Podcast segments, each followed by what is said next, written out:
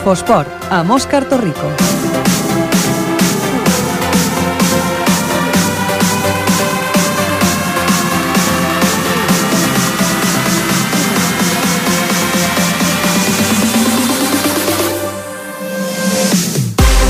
Molt bona tarda, a les 7 i 5 d'aquest 6 d'octubre comencem aquí un nou programa de l'Infoesport, el programa dels esports a Ripollet Ràdio, per repassar tota l'actualitat esportiva que ha donat de si aquesta setmana. Doncs aquesta setmana passada que clos amb el diumenge, repassarem com ha anat aquest cap de setmana i tenim moltes notícies, moltes d'elles doncs, molt bones començant doncs, per la medalla d'argent que ha aconseguit la jugadora de bàsquet ripolletenca Lucila Pasqua amb la selecció, amb la bona estrena dels clubs de tenis taula del nostre municipi i també amb les victòries del futbol sala Ripollet i de l'handbol en el derbi contra Cerdanyola. Moltes, moltes notícies que us explicarem aquesta tarda. Així que ràpidament comencem per no deixar-nos res eh, en l'aigüera i comencem amb el repàs dels marcadors. El marcador. I ho farem amb la nostra companya, la Mèriam Lara. Mèriam, bona tarda. Bona tarda, Òscar. Doncs comencem pel futbol, a la segona catalana. Club de Futbol Ripollet 3, Canyelles 1. El Ripollet se situa al primer lloc de la classificació després de remuntar un gol inicial del conjunt barceloní.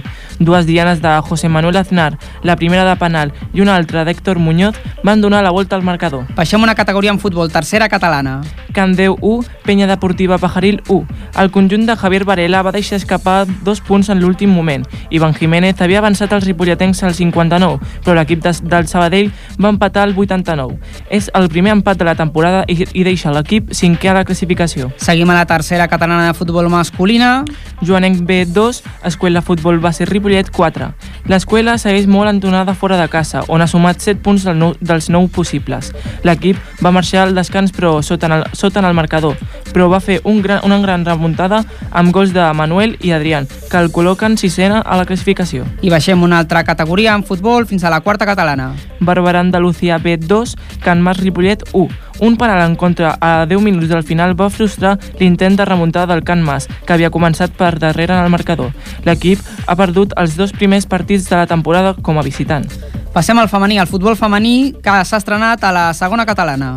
Escuela Futbol Base Femení 1, Sant Fost 5. Una escuela amb només 10 jugadores disponibles va estrenar la temporada de la pitjor manera possible, amb una golejada en contra. El, el partit va quedar sentenciat ja en la primera part amb 3 gols, un en pròpia porta. El gol de l'honor ripolletenc el va notar Judit. Canviem d'esport, anem cap a l'handbol, tercera catalana preferent. Club Handbol Ripollet 34, Club Handbol Cerdanyola 32. L'handbol Ripollet va estrenar la nova categoria amb una victòria en el derbi contra el Cerdanyola. Els ripolletens van agafar una embrancina en el marcador en el tram final dels primer, del primer temps, que els va permetre marxar al descans amb 6 gols de renda, que van saber gestionar el segon temps. Canviem una altra vegada d'esport, ens anem cap al futbol sala a la segona divisió B nacional, la, la categoria de bronze. Fut, futbol sala Ripollet 7, Esparreguera 3. El Ripollet es segueix fent fort a, a casa, on suma dues victòries en dos partits. L'Esparreguera va donar més problemes dels que podria semblar pel marcador final. Baixem una categoria, a la tercera divisió nacional de futbol sala. Sant Joan de Vilassar 2, futbol sala Ripollet B 2. Empat de filial ripolletenc, que suma el primer punt en tres jornades de competició.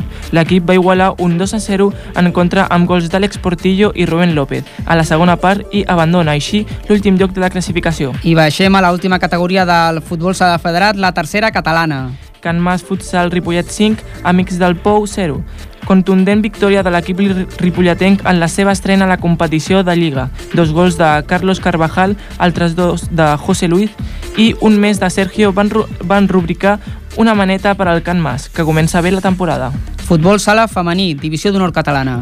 Esparreguera 4, futbol sala Ripollet Can Clos 5. Un gol de Lali Gil a un minut del final va donar la segona victòria seguida a domicili al Can Clos. Les ripolletenques van saber remuntar un 2 a 0 en contra per mantenir-se invictes i escalar fins a la quarta posició a la classificació. Ens anem cap al bàsquet, al bàsquet masculí, a la primera divisió catalana. Torreforta 57, Club Bàsquet Ripollet 70. Primer partit fora de casa que guanyen els blaus. Gràcies al bon partit dels ripolletens pugen fins a la cinquena posició. A la tercera catalana masculina. Bàsquet La Mina 58, Club Bàsquet Ripollet B 60 63. El segon equip del Ripollet guanya el segon partit consecutiu fora de casa. Es posicionen quarts a la, a la taula. I seguim amb bàsquet masculí a categoria territorial de Barcelona. Club Bàsquet Sant Benat 57, Club Bàsquet Ripollet C 70. Segon partit dels ripolletens i segona victòria consecutiva. El tercer equip del Club Bàsquet Ripollet es posiciona al primer lloc de la taula. Continuem en, esta, en aquesta categoria de territorial barcelonina el Club Bàsquet Vila de Cavall 64, Club Bàsquet Gassó 32. Segona, segona derrota consecutiva de la temporada que s'emporta els del Gassó. Es mouen entre les últimes posicions. Ens anem cap al bàsquet femení, a la tercera catalana. Dos resultats. Club Bàsquet Ripollet 60, bàsquet femení Cornellà Vermell 40. Primer partit guanyat de les blaves que fan un bon partit contra un equip de la part baixa de la classificació. Comencen a pujar els glaons a la taula. I un altre resultat. Sirius, Sirius Bàsquet Club 71, Club Bàsquet Femení Gassó 35. Les noies del Gassó no s'aixequen de la primera derrota i tornen a caure aquest cap de setmana. Es mantenen a les últimes posicions. Vinga, canviem d'esport, deixem el bàsquet i anem al tenis taula. Tenis taula femení, la divisió d'honor estatal, la categoria d'argent. Autoescola Tachepol Ripollet 4, Escul Saragossa 2. Debut amb triomf de l'Autoescola Tachepol Ripollet en la categoria de plata estatal. Tot i, tot i que la, major, la millor jugadora del Saragossa va guanyar els seus dos partits, les ripolletenques van imposar-se en els altres quatre duels. Al tenis taula masculí també hi ha hagut partit, també ha començat la temporada a la primera nacional. Sant Cugat 2, tenis taula Ripollet 4. Els ripolletens van debutar a la Lliga contra l'equip del, se, del seu excompany Álvaro Barre, Barre, Barreneche. Julio Andrade i Miquel Arneu van guanyar els seus dos partits, mentre que Raül Porta va debutar sense cap victòria. I acabem aquest repàs dels marcadors amb hoquei patins a la categoria de segona catalana. Club Hoquei Ripollet 2 del MEC Santa Perpètua 3. Partit molt igualat que es decanta pels visitants. Els locals només porten una sola victòria amb els tres partits de la temporada. Doncs moltes gràcies, Mèriam. Això és el que han donat així el repàs dels resultats. Ara ens endinsem en algun d'aquests eh, partits per explicar-vos-els una miqueta millor. Comencem. Futbol, futbol.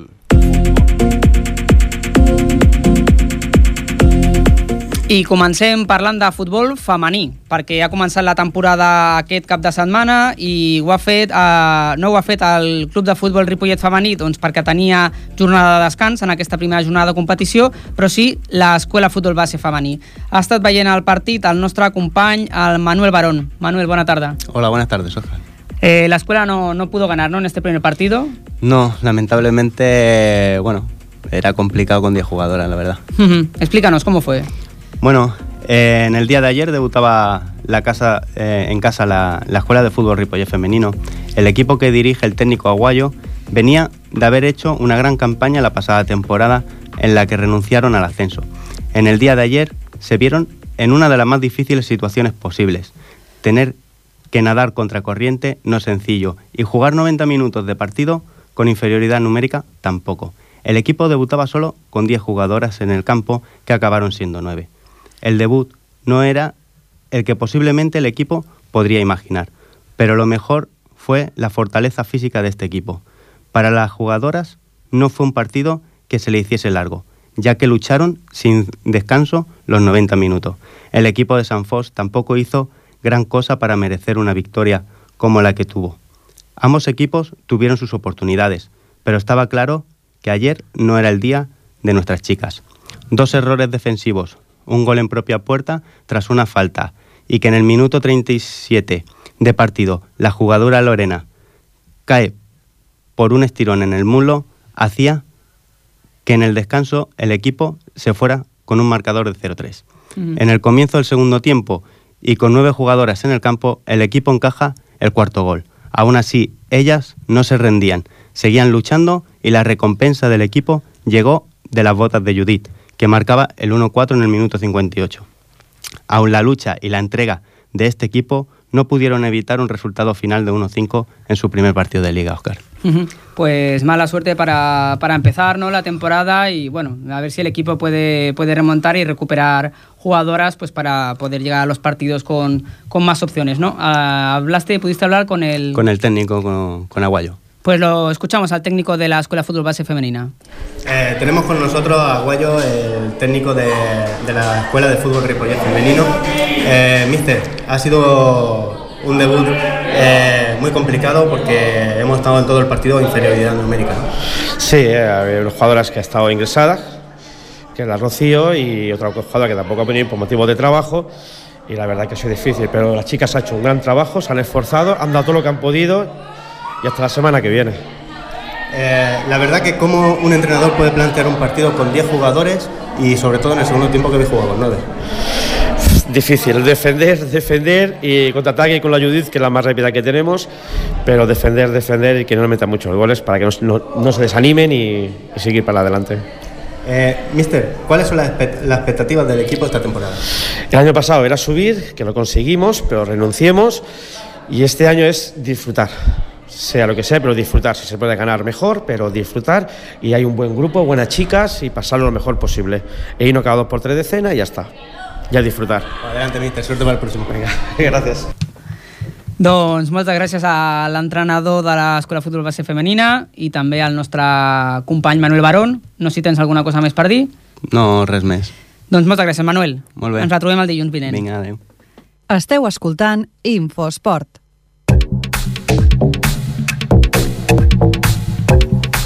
Doncs continuem amb el futbol perquè el Club de Futbol Ripollet eh, aquest cap de setmana s'ha posat líder del seu grup de segona catalana. Una molt bona notícia, com us explicàvem al principi, tenim molt bones coses per, per explicar avui i ens ho explicarà el nostre company, el Jordi Soteres. Jordi, bona tarda. Hola, altra vegada, bona tarda, Òscar. Sí, en tenim el Ripollet, eh, que tothom patia al començament de temporada, Uh -huh. i, bueno, dos partits, sis punts, i a l'equip líder vol dir que això, però això és llarg, llarg, llarg, llarg, Sí, queda sí. molt, sí. Però, bueno, és important és important començar començar bé.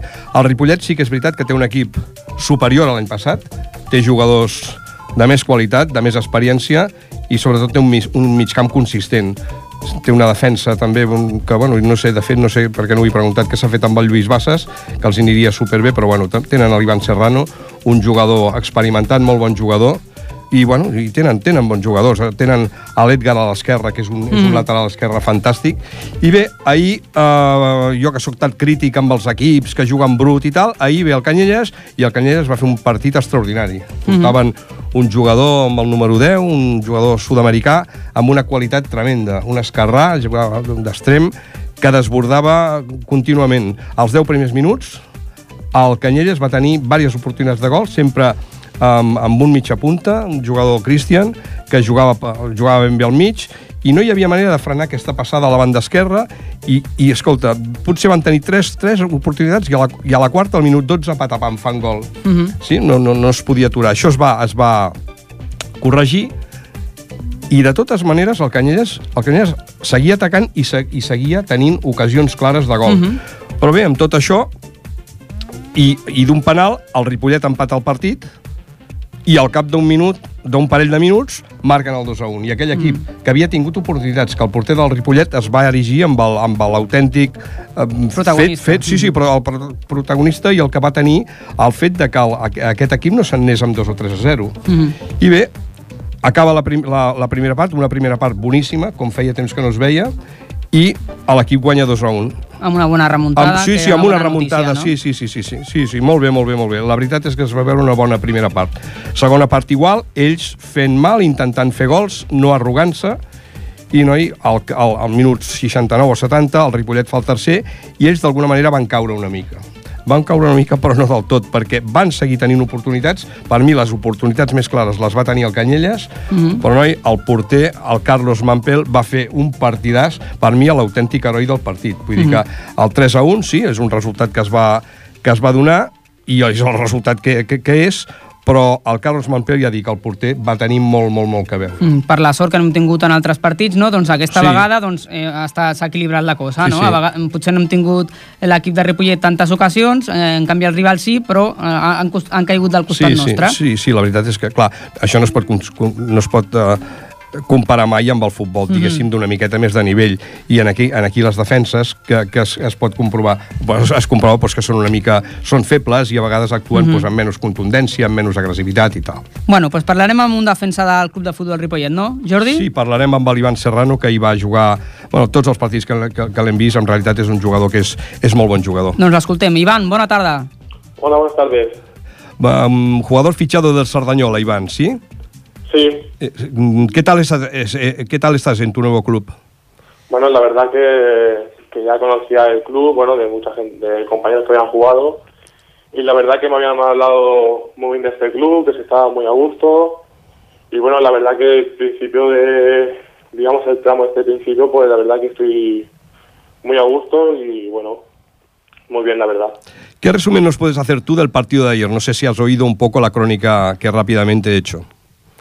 Ya sabíamos que la verdad que este grupo es bastante complicado, son, somos equipos, la verdad que muy igualados y sabemos que, que el Cañete, bueno, bueno, tiene muy buenos futbolistas, gente que ya de tercera división y la verdad que ayer se pudo ver que, que tienen un buen equipo. Sí, sí, y que os puso las cosas difíciles además, ¿eh? Sí, la verdad que estuvimos, estuvimos 10 mi- 10 minutos de la primera parte, digamos, del primer, el primer cuarto de la primera parte, que, pues, que bueno, que no estábamos quizás todo, todo lo a gusto que, que teníamos que estar. Pero bueno, sí, es lo que decía, que, es- que el Cañases tiene gente muy buena arriba y la verdad que ayer lo demostró. Sí, sí, tenían, tenían sobre todo aquel el jugador con el número 10, un Sí, chico... banda izquierda. Sí, sí, banda izquierda. Aquel, al final sí pudisteis ajustar un poco esto, ¿no? Porque aquello era Sí. un, un pasadizo. El primer cuarto de hora fue impre- impresionante. Sí, la verdad que intentemos, eh, bueno, eh, replegarnos un poquito, apuntar el coberturas en la, por, la, por la banda izquierda, a esa banda derecha nuestra, vaya. Pero bueno, intentemos reconstruirnos en el campo y la verdad que fue de menos a más. En tu opinión, mm, ¿qué, qué crees que representó ayer Carlos, el portero, en el partido de ayer? La verdad que Carlos eh, es un fantástico portero y ya lo demostró ayer, con que no había jugado, eh, había jugado poco partido, ya va, este es el segundo consecutivo y la verdad que no es fácil esa, salir- esa jugar y, y estar al 100%. Sí, sí. Por el ritmo de partido, el ritmo de competencia, o sea, si no juegas se nota. ¿Qué tenéis? La verdad que ayer nos salvó, pues, si no de, de un gol, o, vamos, es, estuvo fantástico. Sí, sí, la verdad es que hizo unas paradas tremendas. Eh, ¿Tenéis lesionado quizá a Dani Cuesta? Eh, eh, perdón, no No, digo, Dani Cuesta, el, el- portero, el otro portero, ¿lo tenéis lesionado? sí, la verdad que está- estaba tocado hace la semana del Carmelo y esta semana sí que seguía, seguía con molestias y bueno, Sí, no estaba, no estaba a punto. Es, No. es igual que el caso de Luis, ¿no? Tu compañero. sí, en el- exacto, exacto, se ve que está, hemos pasado un tramo de este, este principio de liga, se nos han cebado con las lesiones porque tenemos, teníamos al principio cuatro o cinco lesionados y la verdad que poco a poco hemos recuperando y ya la falta de Luis, Luyé y Cuesta. Perfecto. Pues pese a las bajas, estáis ahí arriba del todo de la clasificación. ¿Pensáis los jugadores que, que estaríais ahí arriba al principio? Bueno, eh, siempre no es que eh, lo, lo tengas como, o sea, que lo, lo sepas, pero claro, nosotros ya desde que se firmó en el club, todos los jugadores sabemos la- las aspiraciones que tiene ese club. Y claro, el sí o sí tenemos que estar arriba para, para poder luchar por el ascenso, la verdad. En la mejor situación posible. Pues Exacto. ojalá que sigáis ahí mucho tiempo y que sigáis luchando y dando la cara. Muchas gracias, Iván. Vale, muchas gracias. Buenas tardes. Hasta Buenas luego. tardes. Hasta luego. Handball. Handball. Handball. Doncs moltes gràcies, Jordi. Mm, De res, Òscar. Vinga, bona tarda. Bona tarda. Ens quedem amb el company Ferran Rigat, que ens explicarà com va començar la temporada al Club Handbol Ripollet. Bona tarda, Ferran. Bona tarda, Òscar. Doncs amb una victòria, com ja, ja heu comentat els resultats, però no amb una victòria qualsevol, sinó amb una victòria en majúscules, perquè va ser el debut a la tercera preferent, eh, a més a més, amb un derbi contra el Cerdanyola, que això Mhm. té, més, té més repercussió, té més força. Eh, Recordem que va ser, és un Cerdanyola que va pujar pels despatxos, ja que no va pujar per ascens directe, i també hi havia una mica més d'aquesta ràbia, de que uns s'ho van treballar i els altres no.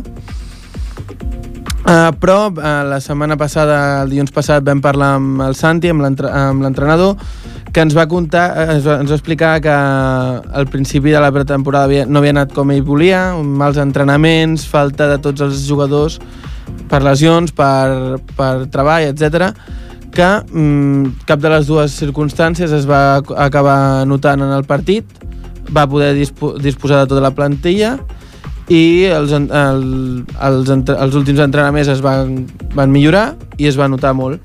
Uh -huh. Uh, per començar, al principi del partit, sempre, uh, amb aquestes primeres pors i una mica la mania de la temporada passada, el Ripollet va començar com a dormit i això va fer que anés a remolc fins més o menys al minut qui- eh, 15, Uh -huh. que els ripolletens, els locals, van conse- aconseguir una, eh, remuntar a poc a poc, sobretot amb un, amb, amb un treball defensiu propi d'aquest equip i una, i una millora a l'atac a part de l'atac individual dels propis jugadors, també per la reconversió del, de l'extrem que va, es va donar es va notar molt.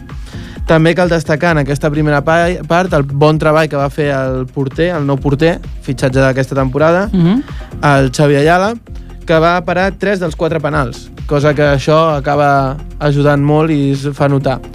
Llavors, en aquesta primera part, el Ripollet va acabar amb una diferència de 6 gols a favor, cosa que va fer anar els de Santi molt tranquils cap a la, a la segona part, i un altre cop van començar dormits uh, i molt confiats i es van trobar que els, la defensa visitant va millorar molt i que aquesta, aquesta defensa es, es podia aprofitar dels errors uh, propiciant les contres sardanyolenques.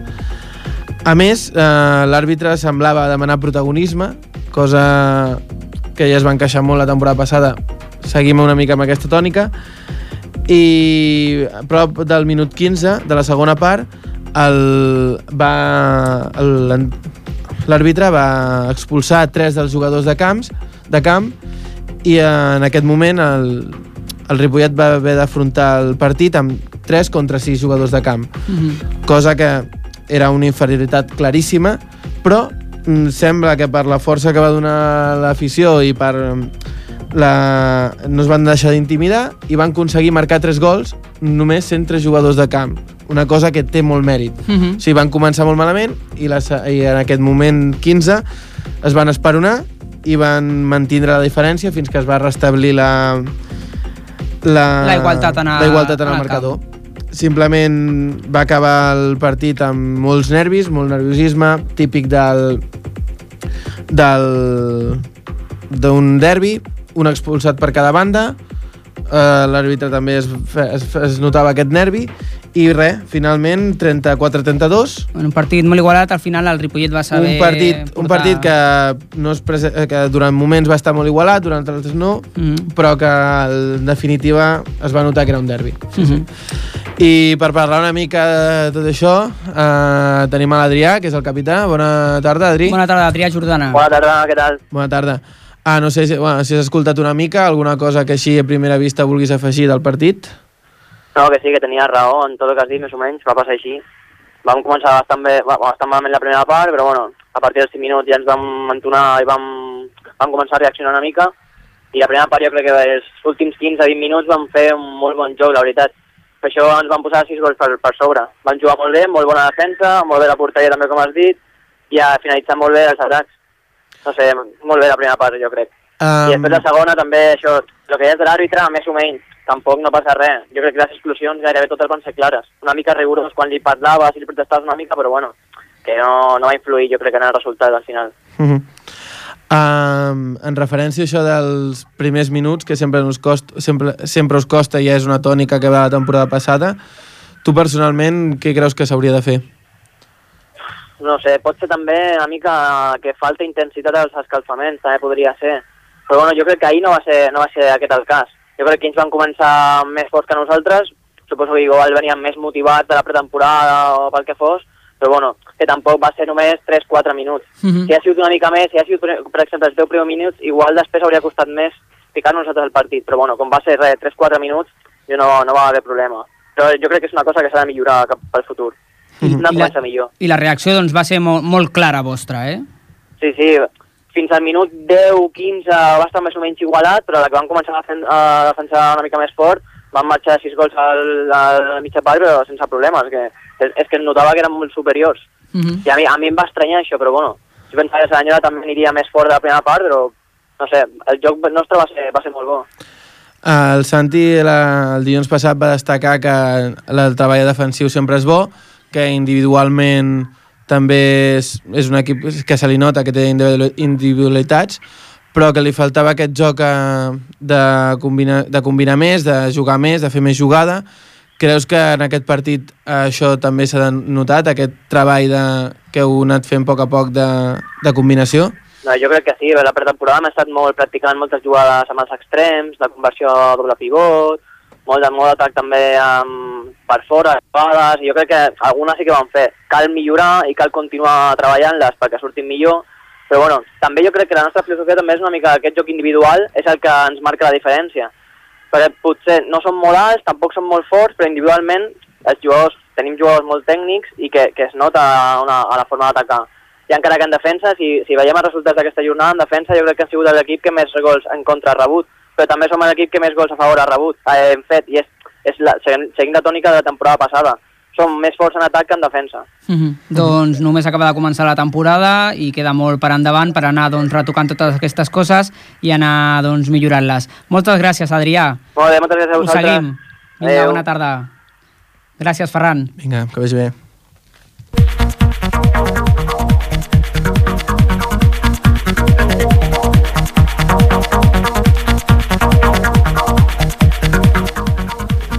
Doncs continuem, deixem a l'handbol i ens anem cap a l'hoquei, perquè la nostra companya, la Judit Martínez, ha estat aquest cap de setmana veient el tercer partit de la temporada del Club Hoquei Ripollet. Ens ho explica. Bona tarda, Judit.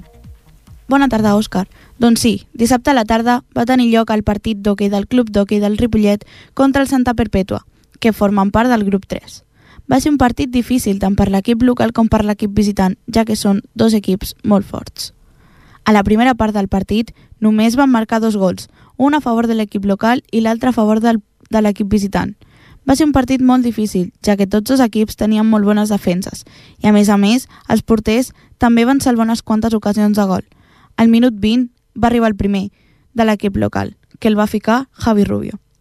A la segona part del partit va ser la més complicada, ja que es començava a notar el cansament per part dels dos equips. El porter local va fer molt bones parades que eren ocasions de gol. El club d'hoquei del Ripollet va lluitar molt fort fins a l'últim minut del partit, encara que va ser molt difícil, ja que va, van haver moltes faltes, una d'elles amb conseqüència per part de l'equip visitant, que va veure una targeta blava per comentaris inapropiats cap a un dels nostres jugadors. Però el club d'hoquei del Ripollet no es va rendir i va continuar endavant, i així ho va fer. Quasi al final del partit, el Javi Rubio de nou de doble penal va marcar un altre gol. Finalment, el partit va acabar 2-3. Per acabar, vam intentar parlar amb els jugadors i l'entrenador, però no va ser possible. Doncs moltes gràcies, Judit. La veritat és que això del final doncs, no ens ha agradat gens perquè s'ha d'estar a, les, a les dures i a les madures i quan, quan no surten les coses bé doncs també s'ha de donar la cara. És una cosa que s'ha de mirar al Club Hoquei Ripollet perquè ja ens ha passat més d'una vegada i jo crec que s'ha de serenar els ànims i s'ha de parlar i s'ha de donar explicacions perquè per això estan els jugadors i, i tothom a l'equip per, per, bueno, que, que no, no s'estem jugant la vida tampoc aquí. Doncs vinga, canviem d'esport. Ens anem cap a un altre esport. Bàsquet. Bàsquet.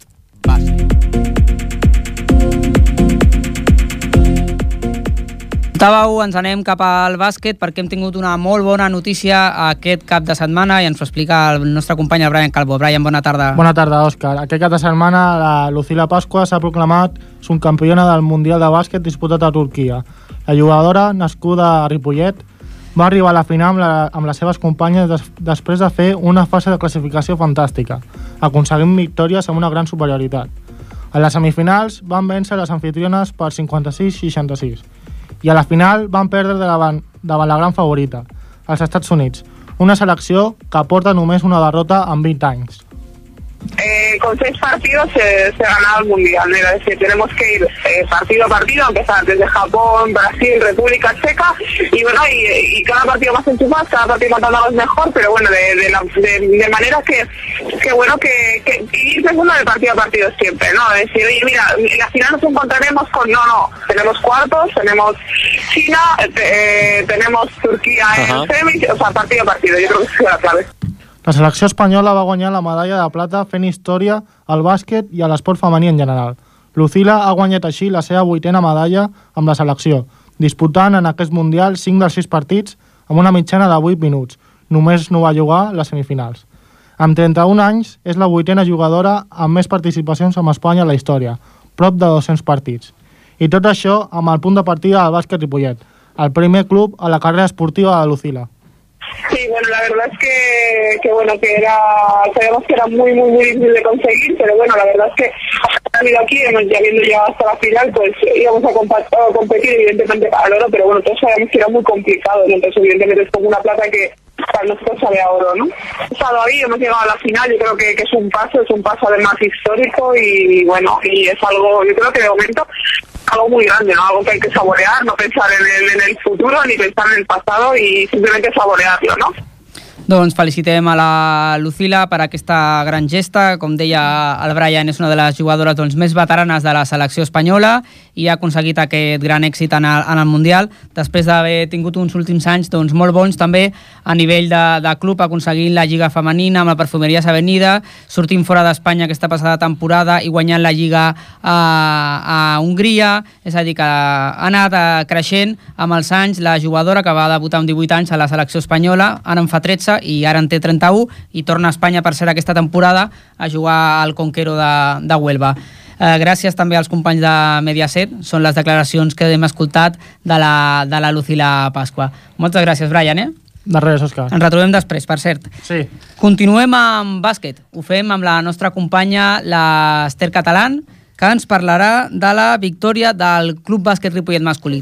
Ester, bona tarda. Bona tarda, Òscar. Doncs sí, victòria del Club Bàsquet Ripollet fora de casa contra l'AD Torreforta. Mm -hmm. Amb un marcador final de 57-70. El primer quart va començar a favor dels ripolletens. Amb una difa... Sí? Esther, Esther. Ah, vale. digue. Perdó, pensava que no se, sen- se'm sentia. Sí, sí, se t'ha sentit. El primer quart va començar a favor dels ripolletens, amb un parcial de 2-16. Els blaus es van posar per davant gràcies a una molt bona defensa i atacs ràpids. Els de casa van començar a notar, però sense aconseguir remuntar.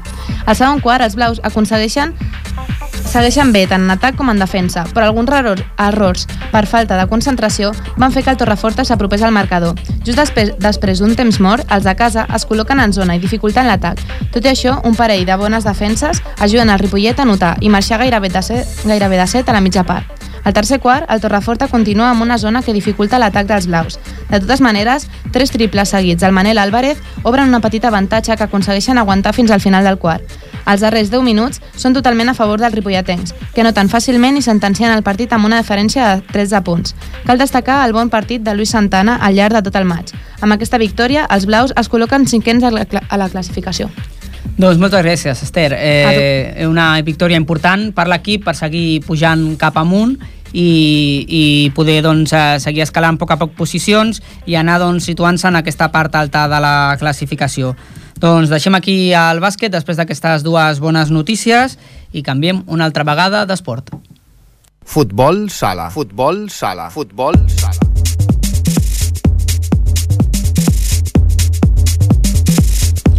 I ens anem cap al futbol sala, com escoltàveu, i ho farem amb el nostre company, el Marc Matamar. Bona tarda. Bona tarda, Òscar. Que ens explicarà doncs, el partit que va jugar aquest cap de setmana al futbol sala Ripollet. Així és, segona victòria a casa del Ripollet Futbol Sala en aquest inici de temporada. El Ripollet Futbol Sala va guanyar dissabte a la tarda a l'Esparreguera Club Futbol Sala per 7 gols a 3 en el quart partit de la temporada. Va ser un partit amb les grades del pavelló Joan Creus plenes de gom a gom. El partit va estar dominat per l'equip local, encara que l'equip visitant mai va donar per perdut el partit. Als dos minuts del partit, l'equip ripolletenc va marcar el primer gol en una pujada a la porteria visitant des de dins de l'àrea i un minut després va arribar el segon gol local. El primer gol de l'Esparreguera va arribar en el minut 5 des de mig camp en un moment en el que el porter ripolletenc no estava a la porteria, a la porteria. El tercer gol del Ripollet va arribar en el minut 9, marcat en un tret de pilota a l'equip visitant, i el quart gol ripolletenc va arribar en el minut 10. Quatre minuts abans d'acabar la primera part, l'àrbitre va xiular penal a favor de l'equip visitant i 47 segons abans d'acabar, l'Esparreguera va marcar el segon gol. La primera part va, acabar, va quedar amb, amb el marcador 4-2 a favor dels ripolletens. La segona part va continuar dominada per l'equip de Ripollet i l'equip visitant continuava pressionant. Va ser una part amb moltes faltes de l'Esparreguera i, dos, i a dos minuts de la segona part l'equip visitant va marcar el tercer gol. Durant aquesta part es van escoltar queixes a l'àrbitre per part de l'afició ripolletenca per faltes que feia l'equip visitant i el cinquè gol ripolletenc va arribar en el minut 8 d'aquesta part. L'única targeta groga del partit a l'equip visitant va fer que fos molt aplaudida per l'afició ripolletenca. Minuts abans d'acabar el partit van arribar el sisè i el setè gol ripolletenc davant d'un vi visitant volcat a l'atac. Al final del partit van parlar amb el Pipa, jugador del Ripollet Futbol Sala, que ens va fer una valoració. Felicidades por la victoria y también por ese gol que has metido tú. Supongo que estarás contento. Sí, contento, tanto colectivamente como individualmente. Sabemos que teníamos que ganar aquí en casa, partido clave, rival de nuestra liga y nada, y con, el, con el apoyo de todo y de, de la afición hemos conseguido los tres puntos. Eh, lleváis cuatro partidos de esta temporada y es el segundo que habéis ganado. ¿Qué esperáis para los próximos partidos? Sí, los de casa lo hemos ganado los dos, pero ahora tenemos que empezar a sumar fuera para, para empezar a mirar arriba, que tenemos equipo yo creo que para estar un poquito en la zona media alta. La semana pasada perdisteis contra el Olympic Floresta por 7 a 10. ¿Cómo fue? Nada, íbamos ganando 3 a 6 y se pusieron a jugar de 5 y no le pusimos esa intensidad y esas ganas y a, al final un gol tras otro acabaron remontando. Lo que no ha pasado hoy. Hoy ha sido todo lo contrario y hemos, hemos conseguido los tres puntos. Habéis dominado el partido, eh, pero también ha habido presión del equipo contrario. Sí, sí y sobre todo en la segunda parte que ha habido muchas faltas por, el, por parte del equipo y faltas que no ha pitado el árbitro. ¿Qué os ha parecido a vosotros desde el campo? Nada, de los árbitros no hay que hablar, ¿sabes? Pitan lo mejor que pueden y al respeto de, de nosotros, pues no, nos hemos ido 4-1, pero luego un gol de ellos así medio tonto y se, se han vuelto a meter en el partido que, que, en esta liga no te puedes confiar que cualquier rival te puede ganar. La semana que viene os enfrentáis al bar Mi Casa Fútbol Sala, a San Vicente del Sors, un equipo que va por un puesto por delante vuestro. ¿Cómo lo veis? Sí, a ver, es lo, que, es lo que hemos hablado, tenemos que empezar a sumar fuera si queremos estar arriba y nada, será un rival duro y un partido tenso como todos los que tenemos y, y esperemos traernos los, los tres puntos de allí. L'equip ripolletenc porta dos partits guanyats i dos perduts. El proper cap de setmana s'enfronta al Bar Micasa Futbol Sala de Sant Vicenç dels Horts. Doncs moltes gràcies, Marc, per explicar-nos doncs, aquesta important victòria del futbol sala Ripollet, que està fent un fortí uh, del pavelló Joan Creus, ha guanyat els dos, partits, els dos partits que, que hi ha jugat. Gràcies i bona setmana. Bona setmana, Marc. Febre d'esport. I al Febre d'Esport doncs, també el portem avui sobre futbol sala i tenim una altra vegada aquí el nostre company, el Ferran Rigat, que ens ha portat, doncs, com és habitual en aquesta secció, uns joves que estan doncs, practicant esport aquí a Ripollet i que ens explicaran la seva experiència en aquesta secció de Febre d'Esports. Bona tarda, Ferran, una altra vegada. Bona tarda, Òscar. Doncs avui hem portat el, del futbol sala Ripollet hem portat a l'infantil A, el nens de 12-13 anys, Uh -huh. I tenim a l'Oriol Rigat. Bona tarda, Oriol. Buenas tardes. A Nacho Martínez. Buenas tardes, Nacho. Buenas tardes. Y a Alejandro Camacho. Buenas tardes. ¿Qué tal? Pues empezamos. Eh, para empezar nos gustaría saber un poco cómo veis vosotros las diferencias entre el fútbol normal y el fútbol sala, que lo, lo notáis en el campo, como en los entrenos, ¿cómo lo veis vosotros? ¿Quién se arranca? ¿Quién empieza? Bueno, eh, Alejandro. mm, Venga. La manera de jugar, que es más rápida a la hora de marcar goles, que en el partido puede haber más goles que en el fútbol césped. O sea, lo veis algo mucho más, es algo más dinámico, ¿no? Sí, más Sí, sí. directo a marcar el gol. Ajá. Y para el portero eso cómo es? Bueno, es simplemente es hay más movimientos, tienes que tienes jugadas para salir de portería. También la defender la portería es más difícil, depende cómo lo mires. La portería es más pequeña, pero hay que saber muchas cosas, tal como salir, estar adelantado. ¿Alguna ¿Algo eh, muy específico del portero de fútbol sala que nos puedes decir? que el portero de fútbol sala normalmente saca con la mano y tiene que saberse jugadas de, para salir de portería por si los rivales aprietan y si el, si el equipo contrario en el fútbol aprieta, el otro puede pegar un, pata- un patadón para arriba. Mm, Nacho, ¿tú por qué elegiste el fútbol sala entonces? Pues yo la verdad es que me dijo él de hacer las pruebas a, a fútbol sala, entonces me pareció divertido y bueno, aquí estoy. ¿Y tú, Alex? ¿Por qué fútbol sala? No sé, la manera de jugar me gusta más a la hora de las jugadas del córner. Es más directo, yo creo, para los, los jugadores de campo. Tocan más pelota que en el fútbol césped, de que, depende de, de cómo se mire. Ah, aún no habéis empezado la temporada, empezáis este fin de semana, ¿no? Sí. Y habéis, estado hecho- haciendo la- habéis hecho la pretemporada. Han, no sois, o sea, sois un equipo nuevo, han subido jugadores, a otros os habéis quedado, mm, ha habido fichajes. Entonces, ¿cómo veis el- la pretemporada? ¿Os ha ayudado para hacer más equipo, hacer más piña? Bueno, sí, de momento los partidos se han ido bien y somos un grupo que somos muy amigos todos y que nos conocíamos desde antes. Entonces, no. O sea, es, es una, una pretemporada más para empezar a jugar que más que para vosotros Sí. haceros como equipo. ¿Y el entrenador os ha propu- propuesto alguna meta, algún objetivo de temporada? Bueno, nos ha dicho que si con buena actitud y trabajando bien, que podríamos quedar primeros. Tranquilamente. Sí. Ah, bueno, tú, Alex, conoces la, la categoría. Hmm. Ah, que, ¿Cómo la ves? Bueno, el año pasado que estuve también eh, me pareció fuerte porque hay chicos súper altos ya, que son hombres, por así decirlo. Y bueno, empezamos mal la liga, pero al final fuimos remontando. Entonces, esta temporada ya vais sobre aviso, ¿no? Por así decirlo. Sí. No es tan importante cómo se empieza, sino cómo se acaba, ¿no? Las Sí, cosas sí, hay que ir adaptándose a las situaciones. Has hablado que el, el fútbol sala es más dinámico y es más difícil en, en tema de posiciones, de posicionamiento en el campo, entender cómo se, cómo se juega. Sí, porque casi todos los equipos tienen jugadas de o de centro cuando marcamos un gol, por ejemplo, o de banda o de saque de, de esquina. De puerta. Con puerta también. Y, to- y son, son- cada uno tiene su, su jugada y, y la posición no es tan... O sea, por ejemplo, hay el cierre, que el cierre no es siempre cierre, puede acabar marcando Sí, un porque gol, ¿no? vamos rotando, vamos haciendo jugadas de ataque y vamos rotando, entonces vamos cambiando de posiciones. Igualmente, ca- cada uno tenéis una posición más o menos de que... Sí. Bueno, Uriel ya sabemos que juega portero, ya lo hemos dicho. ¿Y vosotros dos? Yo juego de cierre. Nacho de cierre, Eh, ala y cierre. ala y cierre. Hmm, ¿Son posiciones que os gustan? Sí. No sé si Jordi quiere hacer alguna pregunta. també el nostre company el Jordi Soteras aquí. Sí, que... no, ¿no es un poco monótono el fútbol sala? Siempre lo mismo, siempre, siempre... Mm, depende cómo lo mires. Sí. Porque se puede jugar más directo o quedarse atrás. Y depende contra el equipo que te enfrentes. Claro, puede ser un equipo mediano o puede ser un equipo que vaya a jugártelo. Pero ¿alguno de vosotros ha jugado fútbol 7? Yo. ¿Tú has jugado fútbol? Sí, Sí. vosotros dos. Sí, o sea, Nacho y Oriol no habéis jugado fútbol, No. fútbol 7 nunca.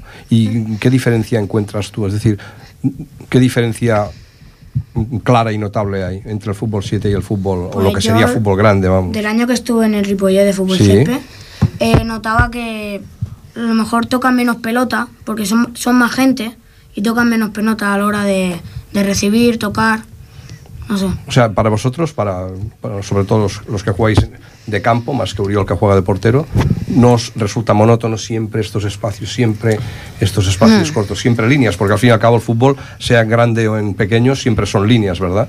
Son Sí, líneas que sí. trazas a través de un pase, de un control, otro pase. Al contrario, ¿no? Os sentís sea, como más participantes de- del equipo Claro. porque tocáis más eh, el Claro, balón, y, ¿no? y te lo pasan más bien.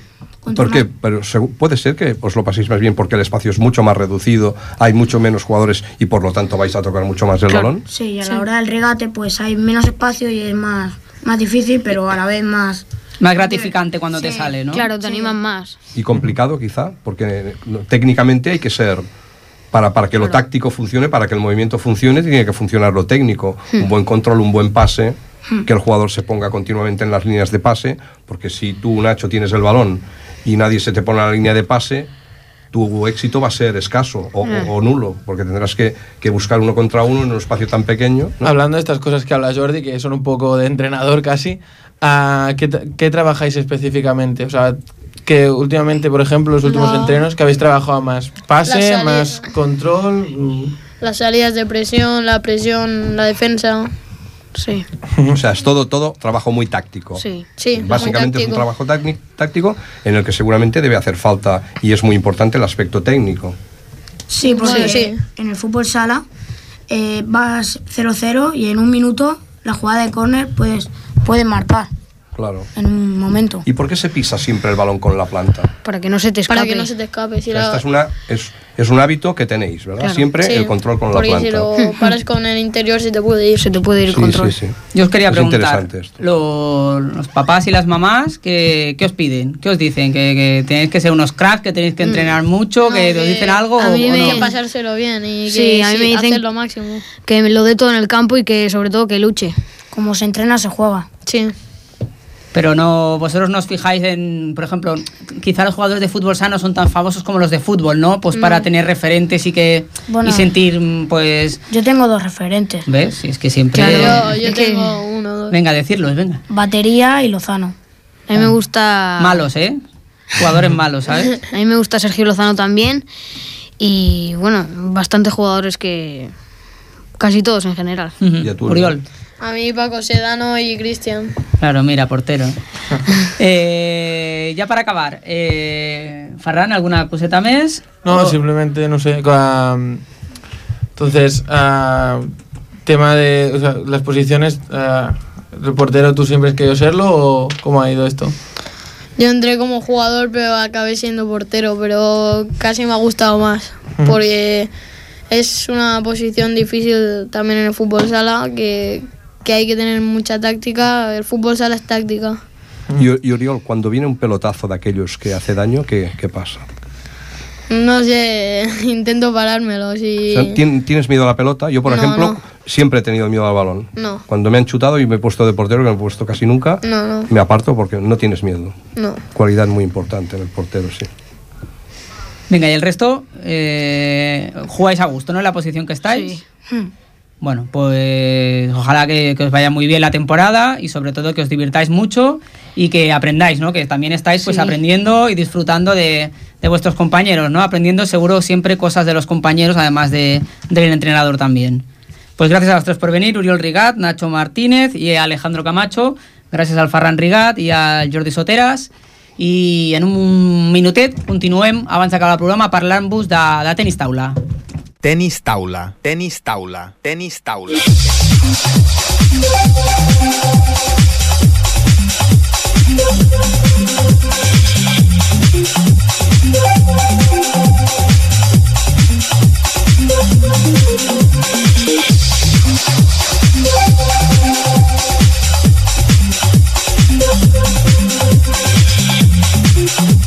Doncs, com us dèiem, acabarem aquest programa d'avui, que ha estat molt dens, perquè teníem molta informació, parlant del tenis taula, perquè aquest cap de setmana ha començat el campionat de Lliga, tant per l'equip masculí com per l'equip femení del Club Tenis Taula Ripollet.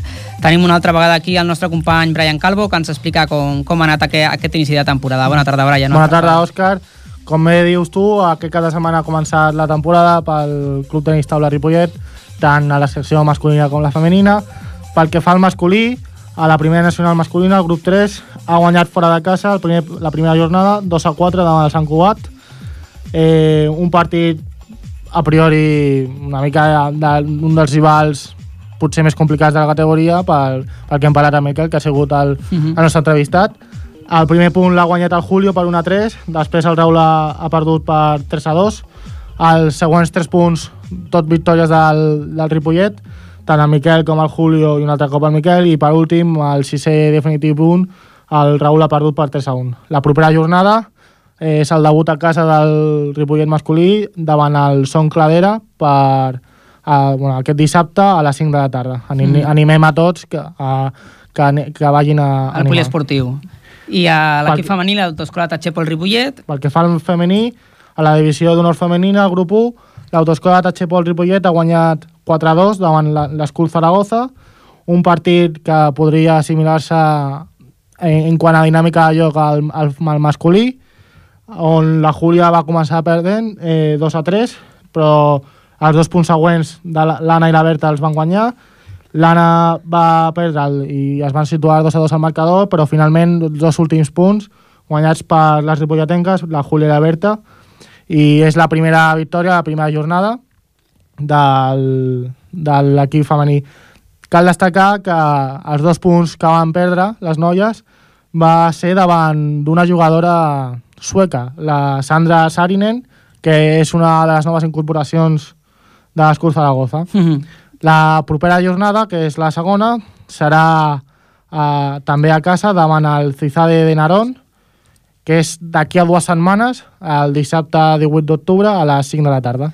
Molt bé, doncs crec que tenim eh, una entrevista que has fet amb el Miquel Arnau, a veure si la podem escoltar, si ens dona temps. Hem parlat amb el, amb el Miquel, que és... Jugador-entrenador. Exacte. Vinga, escoltem. Primer cap de setmana de, de competició, de, tant de nois com de noies. Sí. I els nois han guanyat 2 a 4 davant el Sant Cugat. Com, com ha anat el partit? Doncs la veritat és que bé, perquè era un partit complicat. Aquest any el Sant Cugat s'ha reforçat amb dos, dos, dos incorporacions noves i bueno, era un equip molt, molt igualat i la veritat és que va anar bé perquè vam, vam quedar 4-2, de totes formes anàvem 4-1, ja vam guanyar 4-1, el que passa sempre s'han de jugar tots els partits Sí. i bé, per començar la, per començar la, la temporada doncs, amb una victòria era important aquesta. El Era Sant, un dels equips forts de la temporada, jo crec. sí, el, el Sant Cugat té un, un, un jugador que la, la temporada passada estava al vostre equip, l'Àlvaro. Sí, per això dic que s'han reforçat amb l'Àlvaro, que va marxar del club. Ell, ell és de Tarragona, va venir Sí. l'any passat a jugar amb nosaltres, i aquest any s'ha incorporat al, al Sant Cugat perquè volia tenir més continuïtat a l'equip, jugant a primera, Mm. i, i per això deia, no? Aquest i un jugador de, de l'Hospitalet, que era el base de l'Hospitalet, també el van incorporar al Sant Cugat. Per tant, tenien un equip molt, molt igualat i, i amb un nivell alt. Llavors era important aquesta victòria, era molt important. Des, després de, de l'estiu i com, com ha anat la pretemporada i bueno, pel, que, pel primer resultat sembla que l'equip està preparat. Doncs bé, la pretemporada, bueno, a nivell general del club ha anat molt bé, i, uh, tant pels equips, perquè aquesta primera jornada, tant a l'equip de primera nacional com, com a l'equip de divisió honor de noies també ha començat amb una victòria Sí. davant les de Saragossa, i inclús a l'equip de tercera nacional també, que l'any passat van patir, al final també han començat amb una victòria per 5 a 1, Vull dir que els equips de lligues nacionals han començat molt forts, han començat guanyant tots els partits. Mm. Per tant, bé, de moment bé, i a nivell de, dels nens de, de l'escola del club, doncs també, també molt bé, perquè hi ha molta competició i ells han començat, ja havien començat la setmana anterior amb Open Catalunya i també va haver-hi bons resultats. Per tant, la veritat és que de moment de moment molt bé, esperant també a nivell d'edats el, el torneig zonal, que serà pri- al, al principi de novembre, que és un torneig classificatori que és molt important per, de cara al rànquing espanyol. I, bueno, preparant bàsicament aquesta fita i a part de les lligues, no?, que són cada setmana. Parlaves de les noies que també han guanyat. Com va ser el partit d'elles?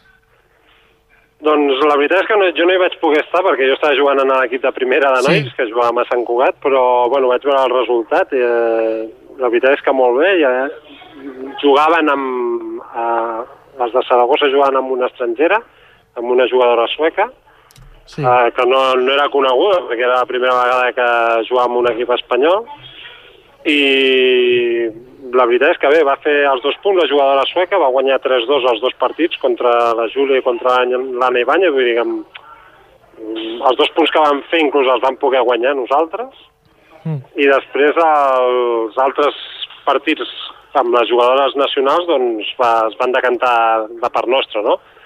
És una victòria molt important perquè a l'equip de divisió nord de noies aquest any tenim la baixa de Cristina Vico que, que bueno, ha volgut mm, retirar-se una mica de la primera plana de la competició i era una de les jugadores més fortes que teníem a l'equip. Potser la, la jugadora Sí, és la que feia més punts, la Sí. que tenia més experiència, però i, i inclús així l'any passat vam, vam estar patint bastant durant tota la temporada.